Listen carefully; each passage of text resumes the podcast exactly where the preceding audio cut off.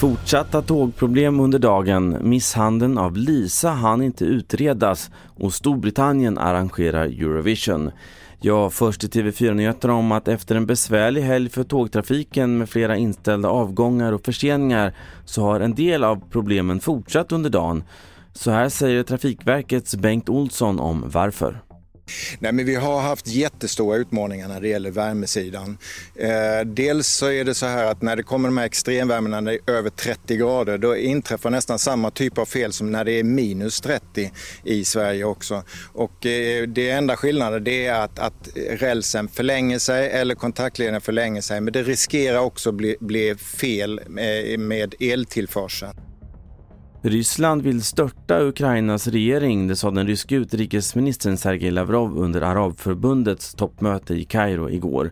Lavrovs uttalanden står därmed i stark kontrast till Kremls tidigare linje under kriget då talespersoner flera gånger upprepat att de inte vill störta Zelenskyjs regering. I morse kunde TV4-nyheterna berätta om att vår granskning visar att var femte anmälan om brott i nära relationer inte utreds i tid.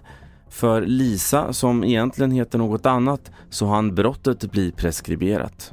Jag tänker att det är skandal. Det är ett stort steg att lämna, det är ett stort steg att anmäla och risken för våldet efter en anmälan är jättehög.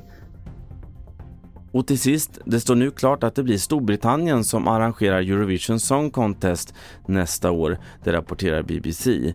Vi hör vår Eurovision-reporter Filip Stiller-Borowitz. Eh, Eh, redan i juni så gick ju arrangören EBU, den eh, Europeiska TV-unionen, ut och sa att Ukraina inte kunde arrangera tävlingen på grund av kriget och att eh, säkerheten inte kunde garanteras. Och redan då så spekulerades ju i huruvida det skulle bli Storbritannien, som ju kom tvåa i tävlingen, som skulle få arrangera tävlingen.